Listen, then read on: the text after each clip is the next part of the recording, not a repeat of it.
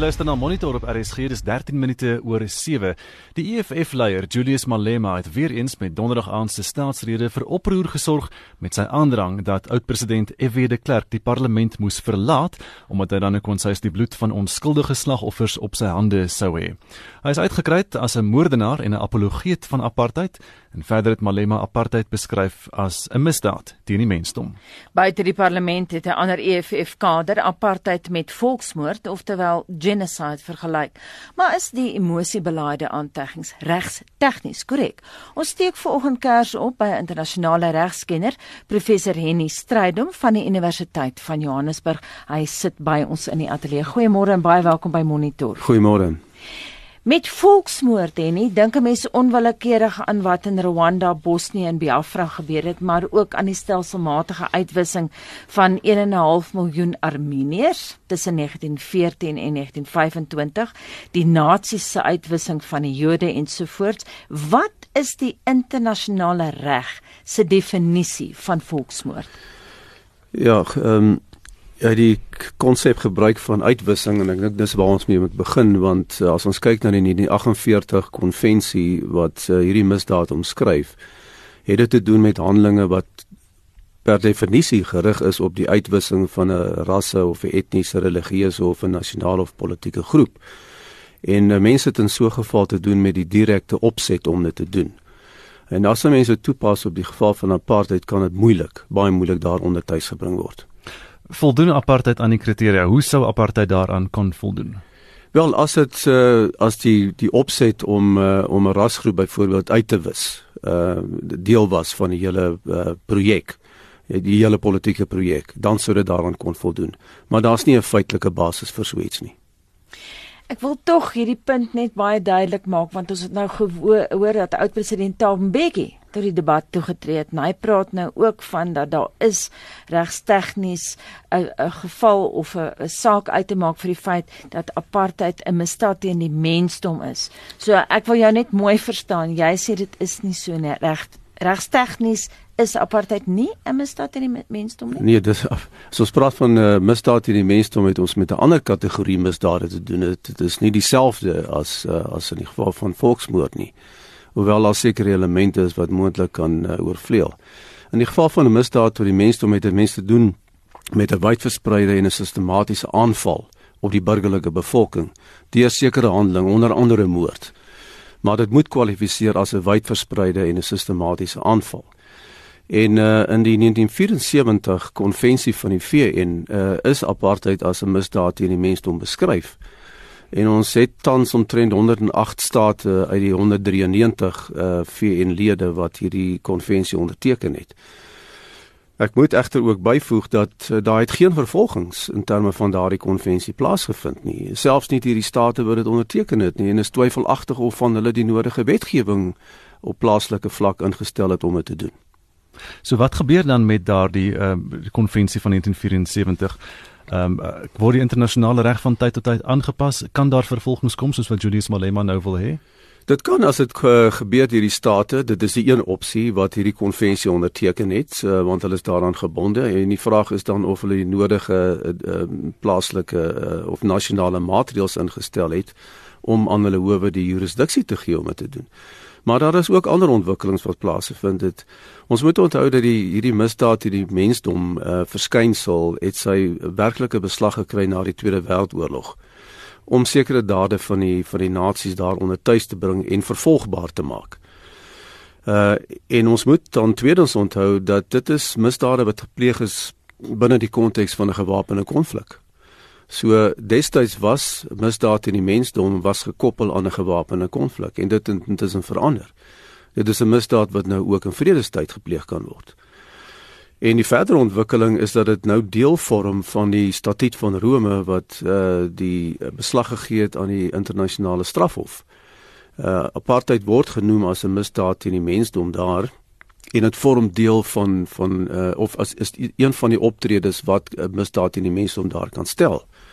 Maar ons moet ook onthou dat uh, hierdie statuut van Rome is nie terugwerkend van krag nie. Dit het vir Suid-Afrika net betekenis uh, vanaf 2002, so dit is op die toekoms gerig. Uh en dit is wat uh, die die kwessie van apartheid natuurlik problematies maak. In die tweede geval ehm um, of in die verdere geval moet 'n mens in aanmerking neem dat daar onvoldoende getuienis is om te sê dat dit 'n uh, gewoonte regtelike misdaad is. Daar is uh, baie twyfel oor hierdie aangeleentheid op die oomblik. Ja, en ons as praat van 'n gewoonte regtelike misdaad in terme van die internasionale reg, bedoel ons dit iets wat van toepassing is op alle state. Uh en nie net op die wat 'n verdrag onderteken het en wat beslag gee aan die misdaad nie. So jy dink nie daar's 'n kans dat F.W. de Klerk as 'n individu binnekort in Den Haag en hof gaan moet staan nie? Ek twyfel. Dit gaan nie sommer gebeur nie. Wat sou moet gebeur voor dit kan gebeur? Wel, dit sal dit hoef nie natuurlik in in in Den Haag te gebeur nie, want dit kan uh as dit as ons praat van die internasionale strafhof, dan kan dit gewoon nie omdat die statuut van Rome is nie terugwerkend uh, van krag het. Dit moet onder 'n ander instrument gebeur. Soos byvoorbeeld uh, deur 'n staat wat uh, wat die konvensie van 1974 onderteken het. En as hulle dit nie destyds kon doen uh, in 1970s en die 1980s nie, hoekom sal hulle dit nou doen? So ek, ek twyfel of uh, of daardie uh opsie uh enige daadwerklike betekenis het. Die gesprek op die oomblik in Suid-Afrika die, die, die afgelope naweek van die staatsrede af donderdag is taamlik emosioneel.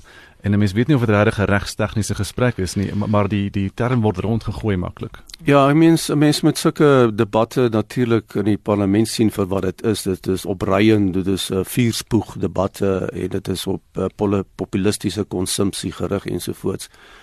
Uh so mense moet daardie tipe van uh, inisiatiewe skei van die regstegniese uh, uh elemente en en voorvereistes waaraan voldoen moet word om 'n persoon aan te kla want mense sit met strafregtelike en bewysregtelike beginsels waaraan voldoen moet word wat totaal iets anderster is. Mens sit in die wêreld met gevalle soos Omar al-Bashir wat ons hier gehad het. Daar is plekke in die wêreld waar uh die verskillende misdade teen die mensdom of dan die oorlogsmisdade anders beoordeel word. Dis nie oral dieselfde gewig, dit dra nie oral dieselfde gewig nie. Is dit so? Ja, dit gaan ek weet daar is natuurlik uh, menings wat beswaar maak dat sekere gevalle nie ondersoek word of vervolg word nie en dat daar so van uh, vooroordeele is oor wie tereg moet staan en wie nie tereg moet staan nie. Daar is altyd daardie politieke element, maar mens moet onthou dat uit 'n strafregtelike oogpunt is die vraag altyd wat is bewysbaar?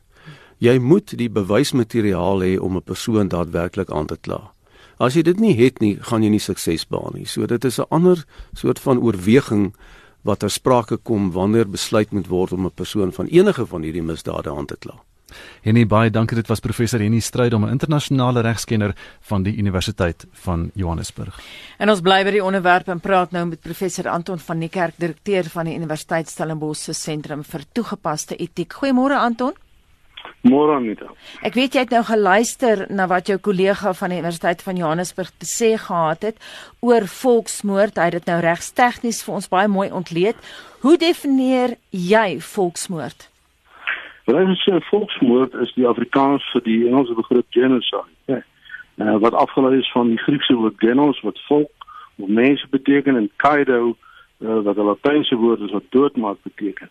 Volksmoord wat naam betref is 'n doelbewuste beplande of bestuurde en dis daar al meer tegnologies gedrewe uitwissing van 'n groep mense. Daai groep mense uh, kan op verskillende maniere gedefinieer word. Etnies, soos by die Armeniërs, rasse etnies, soos by die Aborigines in Australië, uh godsdienstig soos by die moslems in Servië uh, en in uh, Bosnië-Herzegovina. 'n godsdienstige groep waarvan die Jode die bekende was vir die vir die Holocaust en die Kaso. Nou ek wil net ek wil net die drie sentrale kenmerke wat my aanbetref bekend word. In die eerste plek soos Henny ook gesê het, uh 'n volksmoord vind plaas wanneer daar opset is, wanneer dit 'n doelbewuste besluit is, intentioneel is. Nie 'n uh, insidenteel waar mense hulle self probeer verdedig nie, maar waar daar 'n berekende plan is om dit uit te sien uh die die klassieke geval uh wat wat hierdie beplanning betref het ons gevind in die Tweede Wêreldoorlog toe uh, Reinhard Heydrich wat die baie prominente figuur in die SS was en Adolf Eichmann konferensie belê as 'n film oor gemaak nê en waar uh, waar hulle met 'n doelbewuste plan geformuleer en dan uh dit is al meer tegnologies gedrewe 'n uh, volksmoord soos die soos die Holocaust sê Zygmunt Bauman baie mooi in een van sy boeke Modernity and the Holocaust. Dit is 'n ding wat jy nie eers aan kan dink sonder hedendaagse bestuursvermoëns en tegnologie. Uh dit is alleen omdat daai goed in die moderne wêreld die omvang en die en die, die mag aangeneem het wat dit het dat 'n mens iets soos 'n volksmoord hoegenaamd eers kan bedink. Nou wil ek bly by die vorige gesprek, ek wil aansluit daarbey. Apartheid, sou dit aan daai definisie dan voldoen? Ja, wel apartheid wat my betref was 'n kolonialisties bedinkte, rassisties begronde en moreel veragtelike stelsel van sosiale ingenieurswese. En dit is ontwerp ten behoeve van van wit met name Afrikaner belange en uh, bevoorregte. Die die morele en die politieke bedenklikheid daarvan dink ek moet ons nooit onderskat nie. Maar ek sou nogtans nie apartheid soos hy nie uh 'n ideologie of 'n stelsel wil noem waarin die idee van volksmoord ernstig oorweeg is. Daar was eerstens nie weinig intensie nê om mense op 'n groot skaal dood te maak, hoewel dit hier en daar gebeur het sien maar by Sharpeville en dan bietjie by Soweto uh in Soweto. Die Boy Patong is 'n ander voorbeeld van van waar daar groot konflik was, maar of die Suid-Afrikaanse regering of die apartheidsowerhede daarbey betrokke was, uh daar dit het nooit heeltemal duidelik geword nie. In enkele gevalle, soos Biko, die Kraddock 6, Anton Lebowski, uh die uh, Frank Chicane ding en die Richard Turner insident, In daai enkele gevalle is individue wel geïdentifiseer of geoormerk om sogenaamd uitgehaal te word. Ek verpes daai Afrikaanse woord, maar ons gebruik hom al hoe meer, né?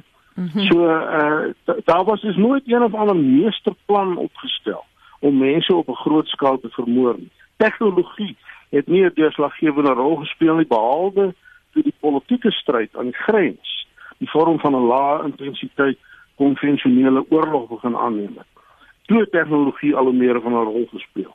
En binne daai konteks is daar wel 'n atoombom ontwikkel, maar dit is steeds onduidelik of uh, of die gedagte ooit was dat daai bom gebruik sou word. Dit was waarskynlik meer bedoel as 'n afskrikking. Anton beide jy en Henny het nou uh, dit baie mooi verduidelik dat volgens julle kan apartheid nie 'n volksmoord wees nie, maar wat van 'n misdaad teen die mensdom? Jy het nou self verwys na die morele bedenklikheid van ja. apartheid. Ja. Ja, uh, uh, wanneer jy nie praat oor 'n misdaad teen die mens om dan praat jy in baie regstegniese terme daaroor wat mense waardeer. Dit is sy nering. Ek, ek persoonlik dink dat die dat die begrip misdaad van die mens teen die mensdom het 'n meer soort van 'n metaforiese betekenis, jy weet om om mense se geweldige sterk morele afkeer uh te verwoord uh teenoor iets. Wat wel waar is is dat die uitdrukking na my beste wete soos jy ook aangetoon het, binne die kader van die VN ontwikkel het na die Tweede Wêreldoorlog en die doel daarvan was om regeringsleiers en militariste wat geweld op 'n onverantwoordelike wyse gebruik, dit wil sê nie as laaste uitweg of vir selfverdediging nie, om daai leiers daarvan bewus te maak dat hulle tot verantwoording geroep kan word in 'n internasionale geregshof soos uh, bepaal deur die deur die konvensie van Rome. En soos wat inderdaad met mense soos uh, eh, Slobodan Milosevic gebeur het en waarmee Omar al-Bashir al so baie gedreig is. Die Nuremberg verhore het aan die idee dat mense en in daai geval die nazi-leiers aangekla kan word van misdade teen die mensdom die eerste keer blywende uh, beslag gegee.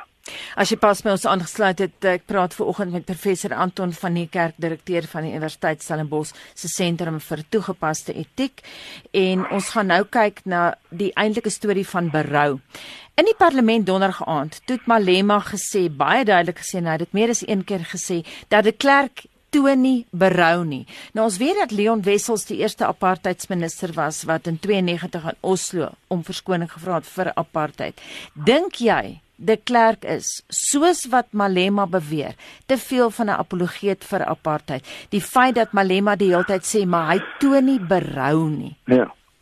Uh, Anita, ek het die grootste agting vir die berou wat by die WVK getoon is deur leiers van die laaste nasionale partye soos veral Leon Wessels en Adrian Flok. Dis uiters jammer wat ek byvoeg dat die een wat die res van die land veral 'n verskoning geskuld het, naamlik meneer PB Botha, nooit iets daarvan wou hoor. Hmm.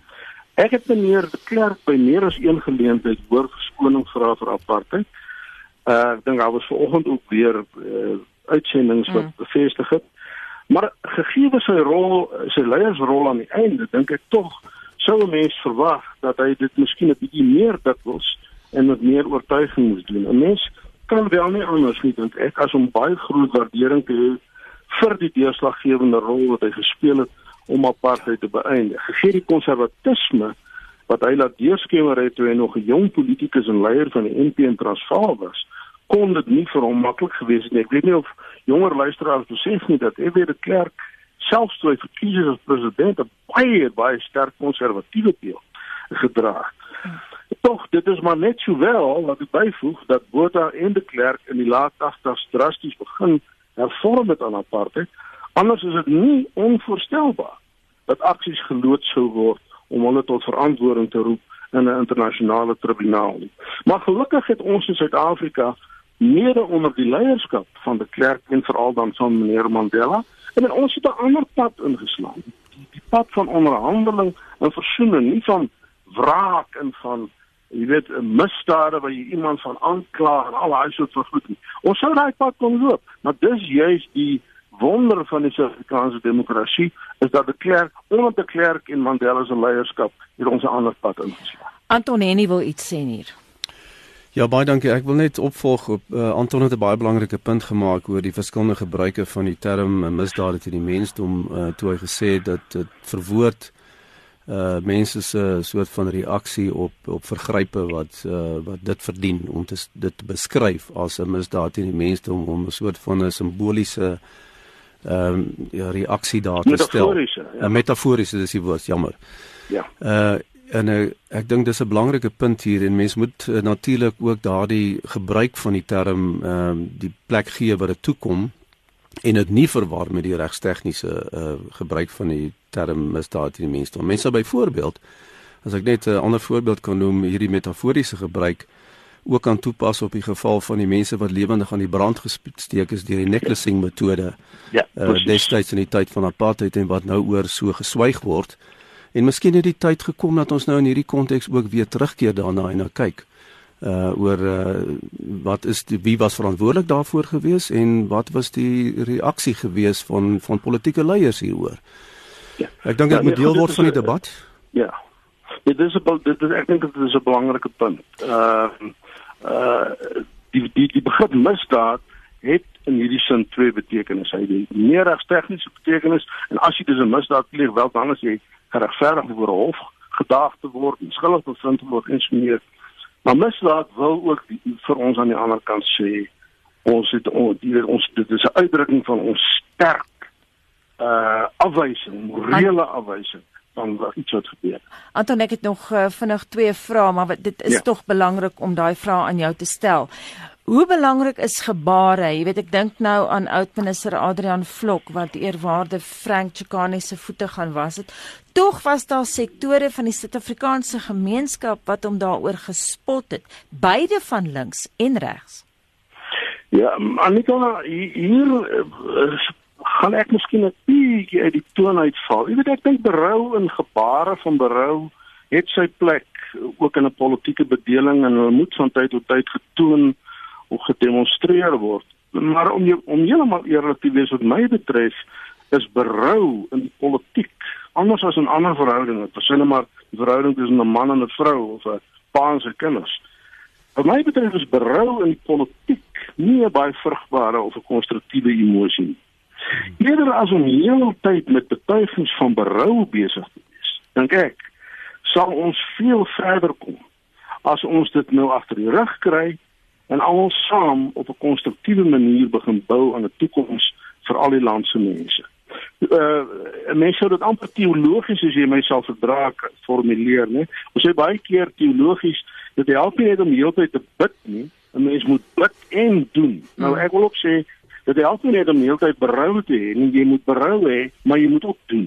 Anton vinnige laaste vraag. Meeste oppositiepartye was donderdag aand ongemaklik met Malema se aanvalle.